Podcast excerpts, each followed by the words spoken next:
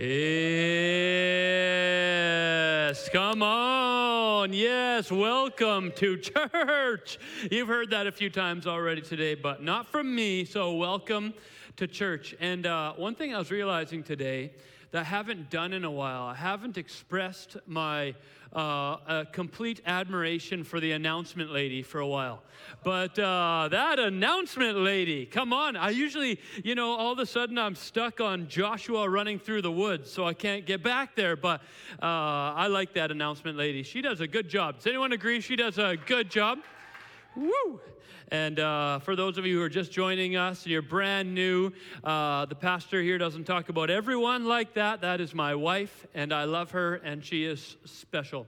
Um, but welcome here. If you're new here, if you've never been to Northgate before, or maybe you have been to Northgate before, uh, welcome. We just so love that you get to be a part of this with us. And we're just a community that, whether we're meeting online or in person, whether we're meeting during COVID or pre or post, we celebrate Jesus. We live for Him. We believe He changes lives. He gives us a new hope for now and for eternity. And uh, we want you to experience it. And the greatest news is that your access to eternity with God, the fullest life that you can possibly live, your access that He, he, he is asked of you is just that you would receive Jesus Christ. And uh, so Jesus did everything. And that's the best news about uh, being a Christian and being part of this community. So, welcome here. We're glad that you're with us. We're glad that you're joining us today. And uh, we're in week four of this series called The Baptizer. The Baptizer. That's why we had Joshua running through the woods on Christmas Eve because of the baptizer. Baptizer, we've been looking at a story, uh, a guy in the Bible named John the Baptist. And John the Baptist is, uh, or John the Baptizer, is this guy who uh, all the Gospels, uh, Matthew, Mark, Luke, and John, all wanted to make sure that he was part of the story. If you're going to tell the story of Jesus, there's an introduction that's necessary, and it's John the Baptist. And, and who was John going to be? John was this one. We've returned to this verse over and over, this idea. He was just a voice calling out in the wilderness, making a way uh, for the Lord, pointing to the one who would come after after him. And that was his entire life. The first week we looked at his calling. The calling that was on his life before he was even born. Uh, when, when he was, his birth story is an angel shows up and talks to his dad, and then his mom gets pregnant, and then she, they're both old, and, and he, they tell him that your son is going to be named John, and he's got this life ahead of him. He's going to turn people to God, and he's going to do all these things. It's going to be a crazy story. Before he was even born, God had a plan for him. And in that, we wanted you to know that before you were even born, God had a plan for you. God has something for you. He's got dreams for you. He has plans for you. He wants to move in your life. And it's not just somewhere down the road. It's not once you all of a sudden figure it all out. It's right off the get go, right from the beginning of your life. He has a plan for your life. The second week, we looked at John's lifestyle that he lived a different kind of lifestyle because of the calling that was placed on his life. He lived out in the wilderness. He, he separated himself from the world, that even though he was this probably popular, well spoken young guy with a priest as a dad and, and, you know, well known in the city, the city celebrated him when he was born, even though that was the reality. Still, he separated himself out because he wanted to live purely for this call of God in his life. He ended up wearing camel hair. Hello, don't mind if I do, uh, uh, with, with uh, and ate locusts and honey for food. And this was just sort of the craziness. People are like, what is wrong with this John guy? He's all of a sudden looking like some crazy prophet out in the wilderness. And then the third week, last week, we looked at his message. What did he actually say? What was he telling people? And the reality is, he was telling people that throughout history, Israel, uh, the people who were mostly coming to him, they have continued to fail following through on the plans that God had for their life. That even though God showed up as their deliverer over and over and over, and God provided life for them over and over and over, and then said, Live this way, they continued to reject that and live their own way. And yet, John goes, Jesus is, is about to come, the Lord is about about to come, the Messiah is about to come. And the great news is this even though you've messed up all the way up until now, He's ready to make all wrongs right. Just repent and be baptized. It's cool reality that John the Baptist is speaking. This week we're going to look at his leadership. because here he is gaining some influence. By the way, um, Kendall was doing her devotions this week and and uh, just just yesterday her devotion she got to this one spot and it was about john the baptizer which is awesome. I love how often i'm going through a series and then i'm just seeing people are hearing like in their own devotions or having these moments or talking about it. All of a sudden so much is coming up about what we're speaking on that god seems to lead us through these themes. Anyways uh, the the devotion that kendall was reading i don't even know where it was from but uh, I, you just got to hear this this person this person's a preacher. This person's got a little zinger for us. He said this While the religious were getting hotter, the repentant were in the water. That's a good one. Isn't that a cool one? Well, the religious, that's that more links to last week, but isn't that sweet? It's just like all, all, these religious people, the Pharisees last week, remember John the Baptizer said, What are you doing here, Pharisees? We don't want you here. I'm hoping that you are going to burn because you've been, uh, you've been tying like these re- righteous religious expectations on everyone and making it very hard for anyone to come to the Lord. And so they were all mad and bothered and, and frustrated that John was baptizing people while the religious religious, that's the Pharisees, were getting hotter. The repentant were in the water. That's a cool zinger. I got to get that person here to preach. You want him here to preach, or her, or whatever it was? Whatever that person was, we're going to get them here. See, John was gaining a crowd.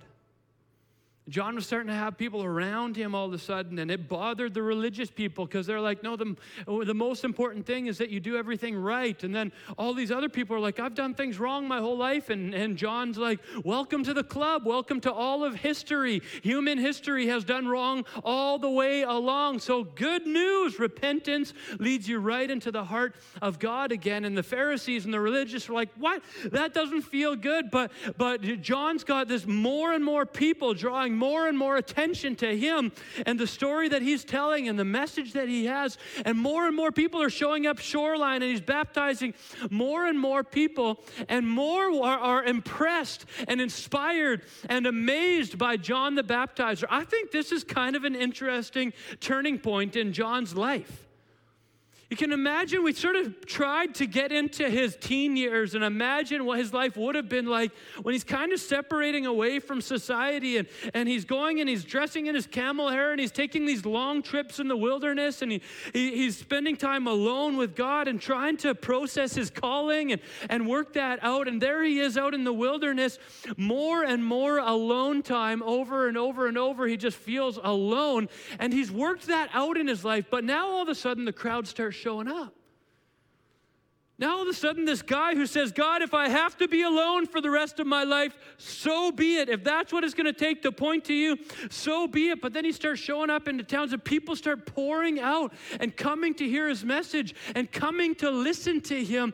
And there's something that happens to all of us when all of a sudden everyone kind of likes what we're doing start to sort of get a little bit cloudy again as far as who am I now in this movement? What does Christian leadership look like right now? Because he's got a little bit of influence. It was, I think everyone was kind of affirming the sermons of John the Baptizer. Thank you. Thank you. That, that one came out not that naturally. It is in my notes. They were affirming the sermon.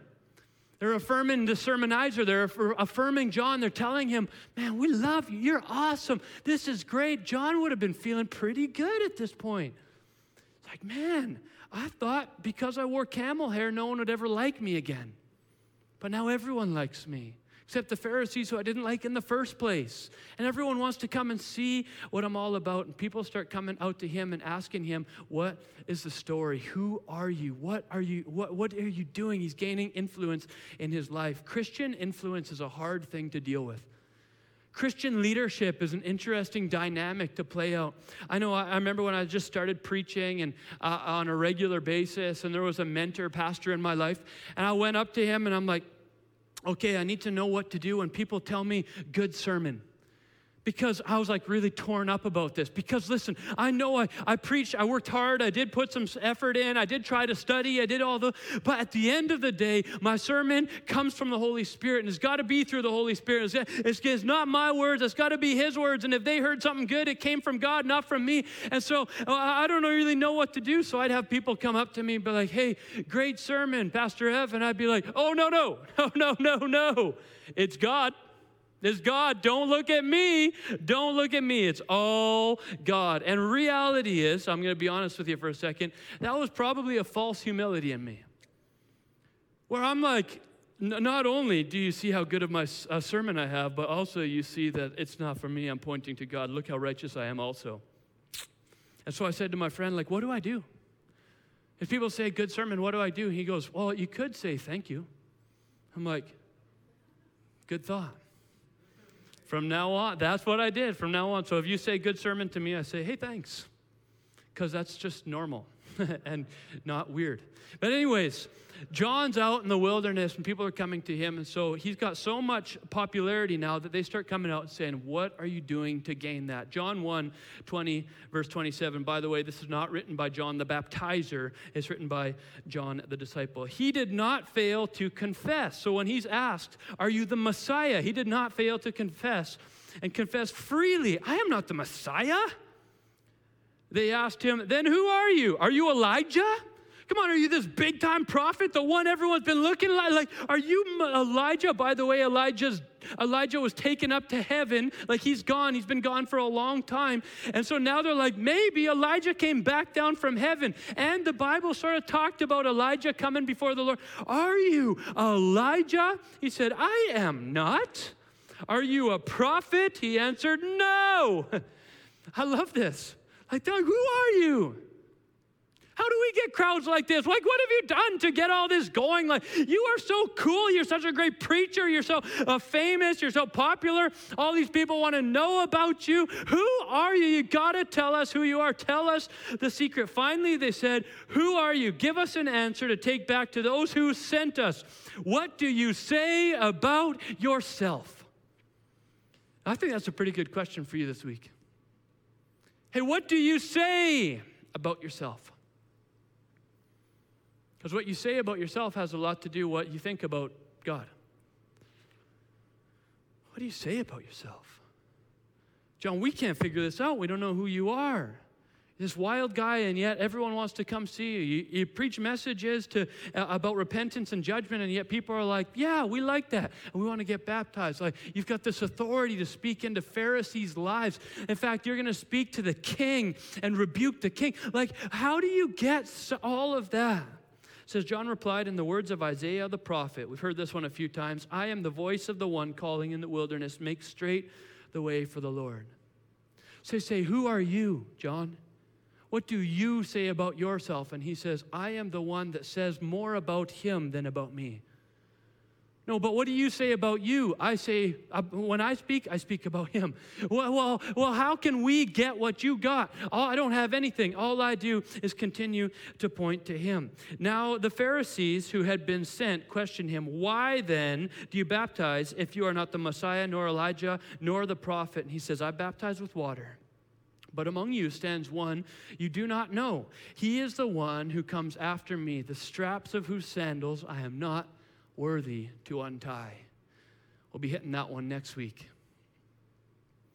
He says, if you want to know uh, uh, uh about the one, uh, it's not, look, I'm not Messiah, I'm not Elijah, I'm not the prophet, I'm not nothing special. In fact, the one who's about to come, he's so much more special than me. And so, how do I gain these crowds? I, I just obeyed him in the first place. How, why do people follow you? I just, I don't know, I just do what he asked me to do. And yet, I can imagine there must have been at least a little bit of human in John the Baptizer, where at some point he's like, I'm, I'm only ever pointing to Jesus, and yet I recognize that I am the way to Jesus right now. I'm the bridge. If anyone wants to come to the Lord, they're showing up to me. They're walking out to me and they're getting baptized by me. This is a cool partnership. I'm living my life for God, but I am sure making an impact. Everyone who wants Him, he's come, they're coming to me to be baptized. That would be a pretty cool spot to be in if you're John the Baptist. Until then, all of a sudden, Jesus shows up. And when you're the bridge to Jesus, all of a sudden you, you don't need a bridge when Jesus comes on the scene. John 1 35 to 40, it says, The next day John was there again with two of his disciples. When he saw Jesus passing by, he said, Look, the Lamb of God. When the two disciples heard him say this, they followed Jesus. That'd be a weird moment, I think. Where you're, you're You've been spending time with these people. They're your disciples. They've been following you, learning from you, growing with you, uh, listening to your words, hanging on everything that you said. They're like, Man, who are you, John? Are you the Messiah? No. Elijah? No. The prophets? No. Uh, I'm just pointing to the one who's come. Well, tell us about him. Tell us about Scripture. Tell us about what it says. To, oh, we want to know. This is so awesome. And, you know, John must have felt at some point along the way, this feels pretty cool that I get to be such a part of their history says, turning around, Jesus saw them following him and asked, What do you want? they said, Rabbi, where are you staying? Come, he replied, and you will see. So they went and saw where he was staying, and they spent the day with him.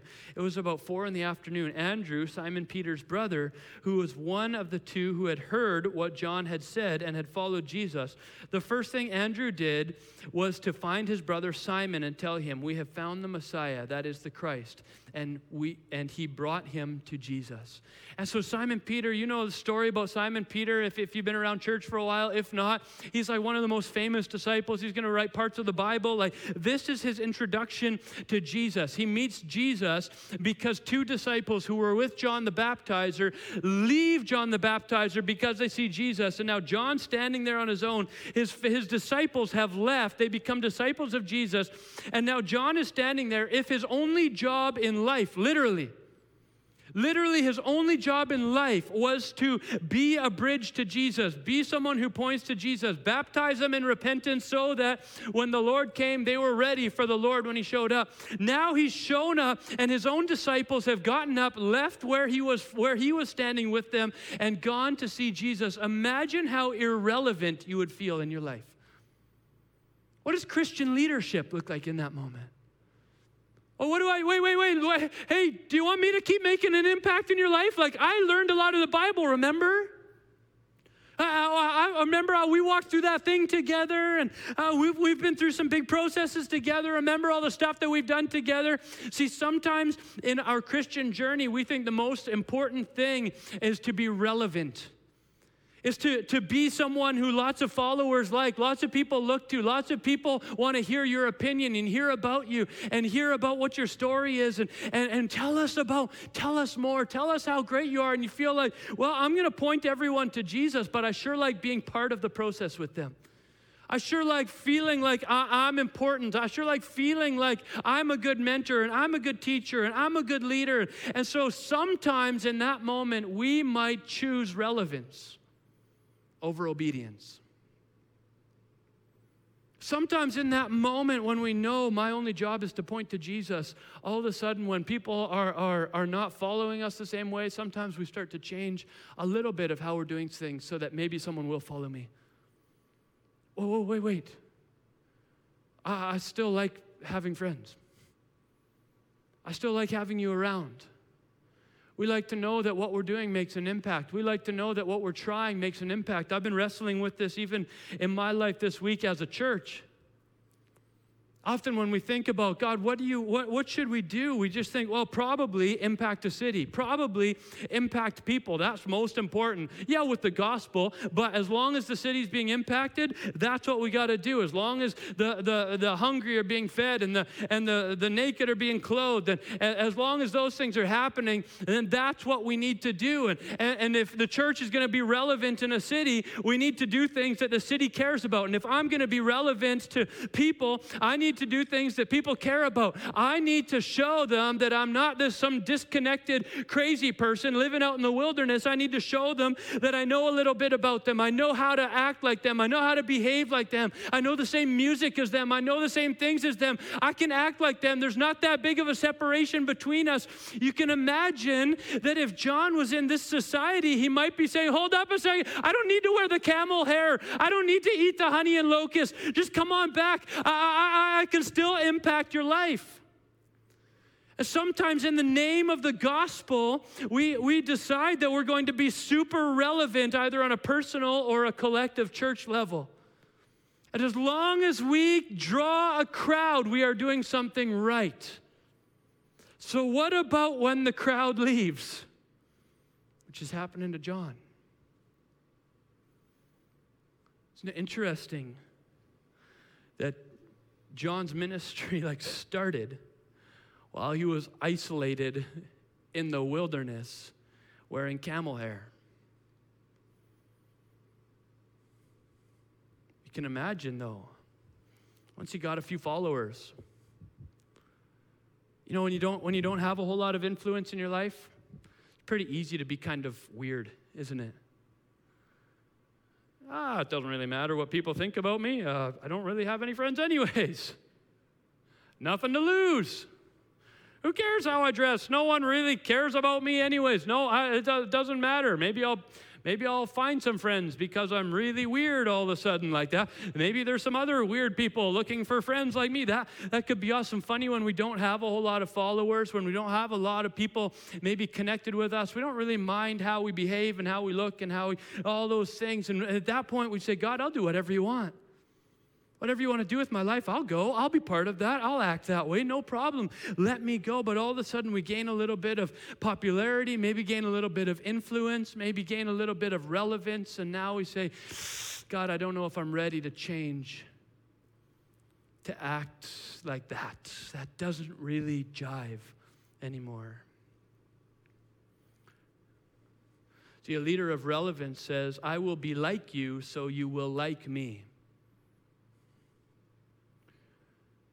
Reality is, a lot of the leadership I see right now isn't leadership at all. To be honest, when I look at our political systems, they're not really a, lo- a lot of leadership in our political systems. It's a lot of it's a lot of hey, I will do all the things that you want me to do, and then and then maybe you'll like me and you'll vote for me, and I'll get in and I'll be your puppet, and there and there we'll go, and won't that be great?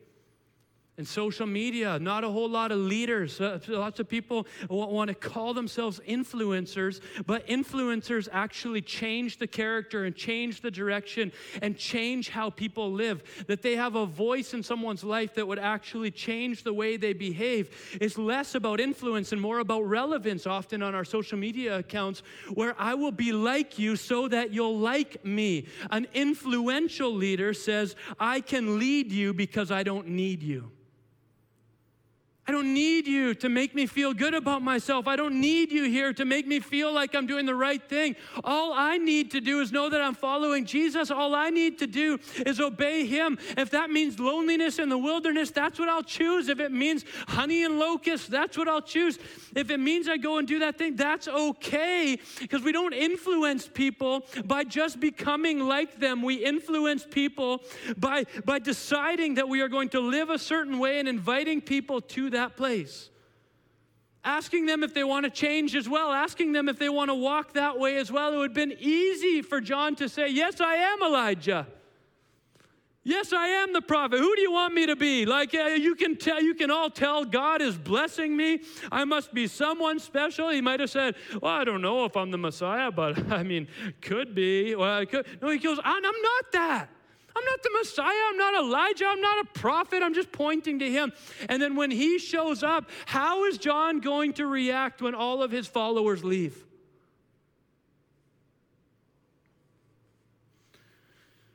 Here's what he does John 3 26 to 30. It says, They came to John and said to him, These are some of his disciples, a few chapters later.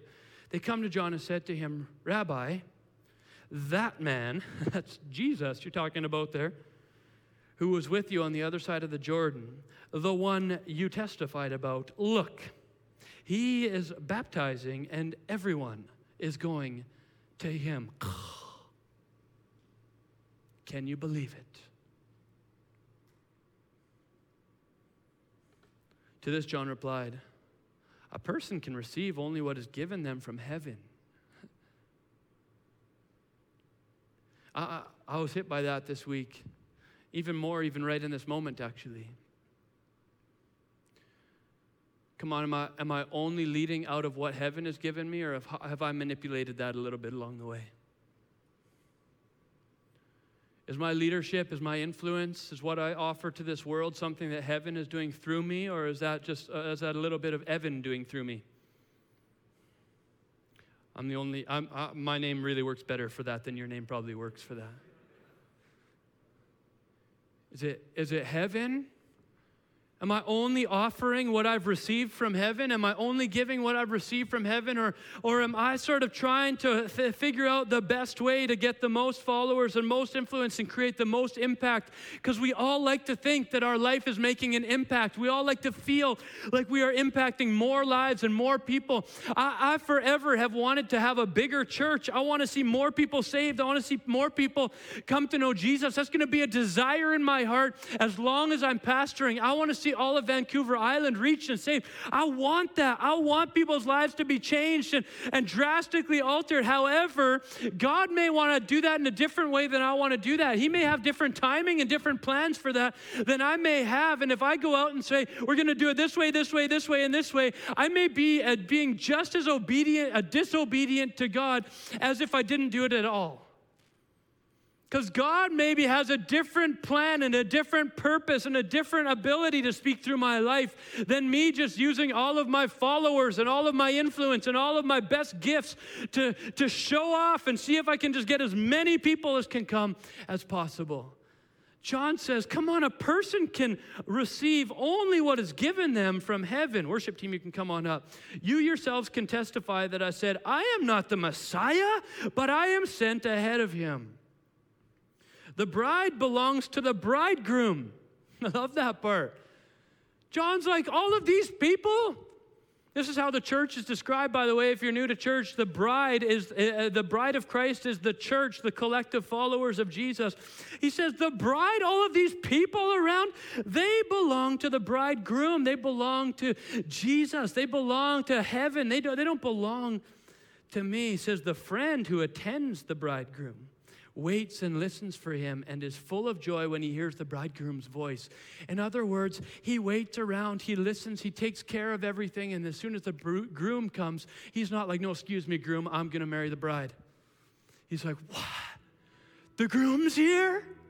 It's happening. He's here. The groom is here. This is the best. It's all going to take place now. The groom has come to marry the bride. And all I had to, I, have been here trying to make sure everything was good. I've been, you know, working out boutonnieres and, and getting the wreaths ready or preparing food and doing the decorations and shaking hands and uh, maybe not in COVID time, saying hello to people. I've been prepping the space, but my job is not now to go, excuse me, everybody, I'm here and it's most important that I'm here. He says, Now that the groom is here, I'm, I'm out of here. This wasn't ever my show. It's not about how many people I can influence. It's not about how many people I can impact. It's not about how many people think I'm relevant to this situation. All of my relevance falls off the moment the groom walks in the door. John has given us a picture of how no one, if you've ever been to a wedding, no one looks and goes, Oh, that, that groom is fine and that bride is fine, but uh, that best man, wow.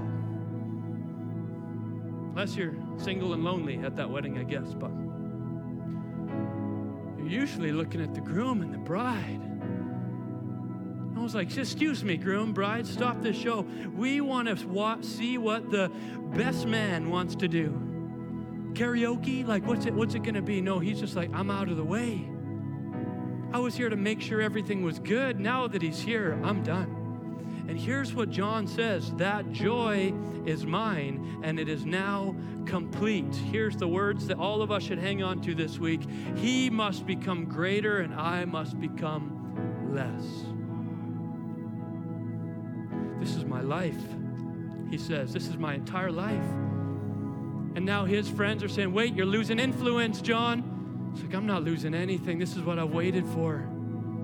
No, no, no, John, look at all the people leaving you, John. Uh, what, what, what? No, no, no, no. It was never about getting the people to me. It was about getting the people to him. It was never about getting the people in my in my influence. It's about getting to, to his influence. I, I'm not here for, for this. I'm not here for me. When they ask me about me, I say it's all about him. When they say, well, how do you do it? I say it's all for him. When they come, I say, here, head over to where the groom is going to be. I'll set the table. I'll lay out the chairs. I'll get everything ready. But at the end of the day, when he shows shows up. I hope I'm irrelevant. I hope I have no voice. I hope no one looks at me once. Because if anyone looks at me, then they're taking their eyes off Him. I'm only here to point your eyes towards Him. And if you're looking at me, you're looking in the wrong direction.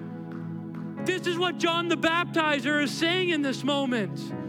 And sometimes, as a Christian church and a Christian individuals, we think that the most important thing is that we impact this world and that we make an influence on this world and that we shape hearts and that we look relevant to people. That is not the point of the Christian life or the Christian church. The Christian life and the Christian church are meant to point to Jesus Christ and nothing but Jesus Christ. And if people would get their eyes off of us and turn to Him, we've been successful. That may just mean that you have a much smaller role than you thought. Oh, but I'm pretty influential. Who cares? yeah, I've got a lot of followers. I could probably offer a lot to the kingdom of God. The most influential person that we see, maybe, in the New Testament besides Jesus wore camel hair, ran around, and was lonely half of his life, were eating honey and locusts. And, but you go, but I can, uh, but I dress nice and I can offer a lot of influence. Would you like to use that? No. No, we wouldn't, because sometimes when we Christians just act like this really relevant group of people, then all we ever get to speak to is the facade that looks relevant in everyone else. Where Jesus comes and breaks right past that and hits something a little bit deeper in everyone. I've got a, I've got a cool book that I've been reading this week. Henri, Henri Nouwen, and some of you have heard of him. He's this contemplative prayer kind of guy. Has a few cool moments in this book. The book's called In the Name of Jesus, and he's talking about Christian leadership. He was a prof at Harvard teaching theology, traveling around speaking when he wasn't teaching, super popular, super famous guy. Everyone wanted him to come and speak. And, and uh, as he was doing that, he writes this He says, My success was starting to put my soul in danger. Hold up, Henri, weren't you, weren't you influencing a lot of people? Yeah. Weren't you preaching at some pretty big conferences? Yeah. Weren't a lot of people coming to know Jesus because of you? Yeah. So isn't all of it worth it? Actually, my success was putting my soul in danger, he says.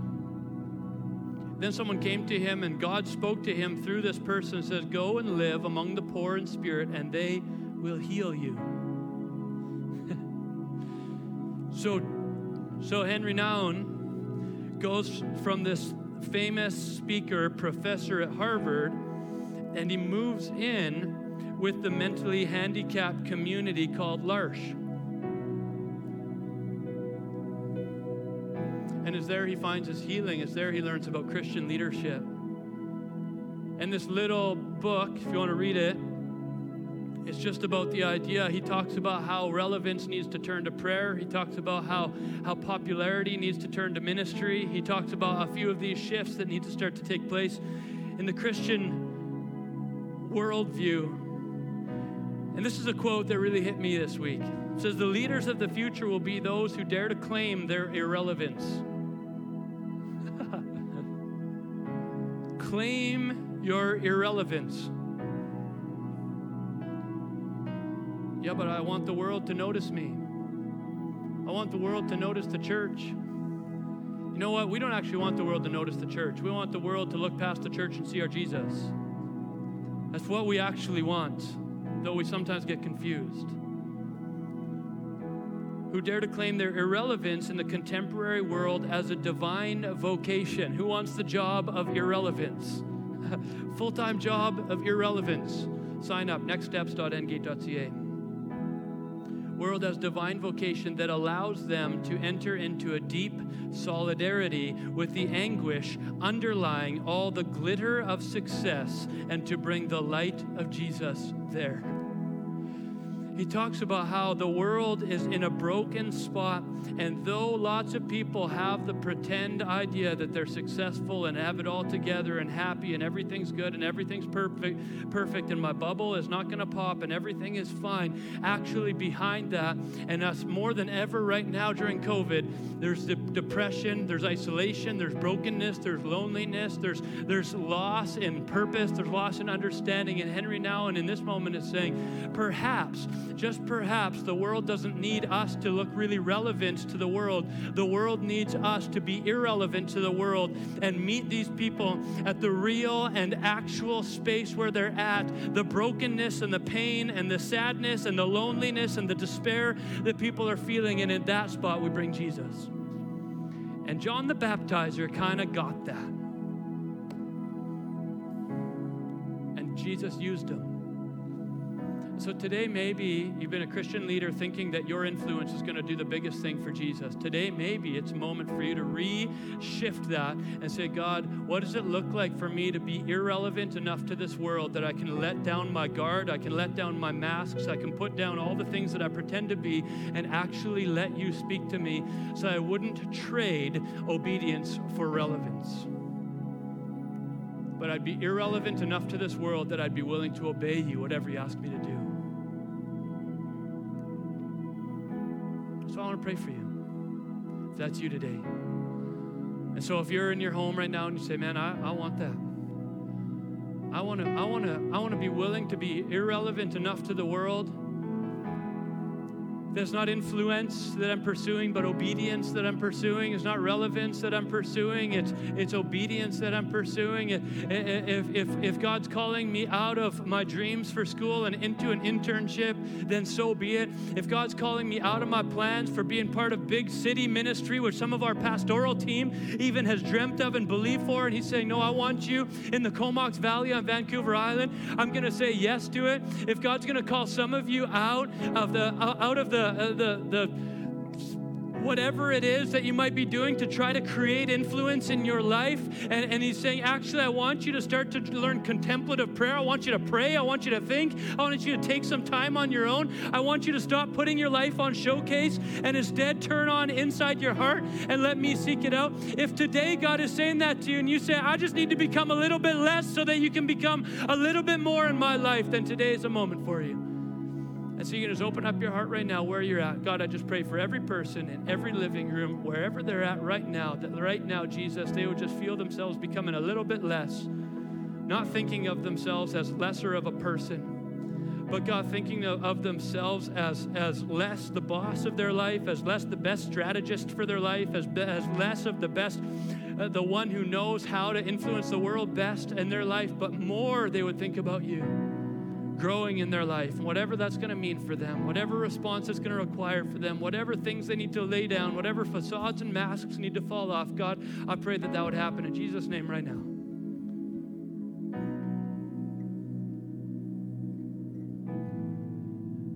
Jesus, in this moment, let us embrace a life of less so that you might become more in my heart and in the world around me.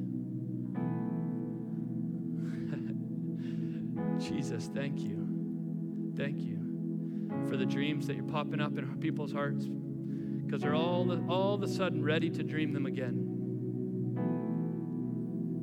Thank you for the wild thoughts that people used to think were too small or too insignificant to be part of the kingdom, and now they're recognizing. Thank you, Lord, that you showed us that a Harvard professor of theology that travels the world and speaks everywhere could actually go and learn the irrelevance when people, when these these these people of, of, handicaps who didn't even care who he was and couldn't have cared less doing they don't even read with him. They don't even understand that he's written books. They don't even care about that. In that moment he finds what it is to be a christian and a christian leader at that. Jesus would you would you give us some stories like that as well? Teach us how to follow you no matter what. Into whatever great spaces of relevance and influence or lowly spaces of relevance and influence, trusting that that's the best space for us.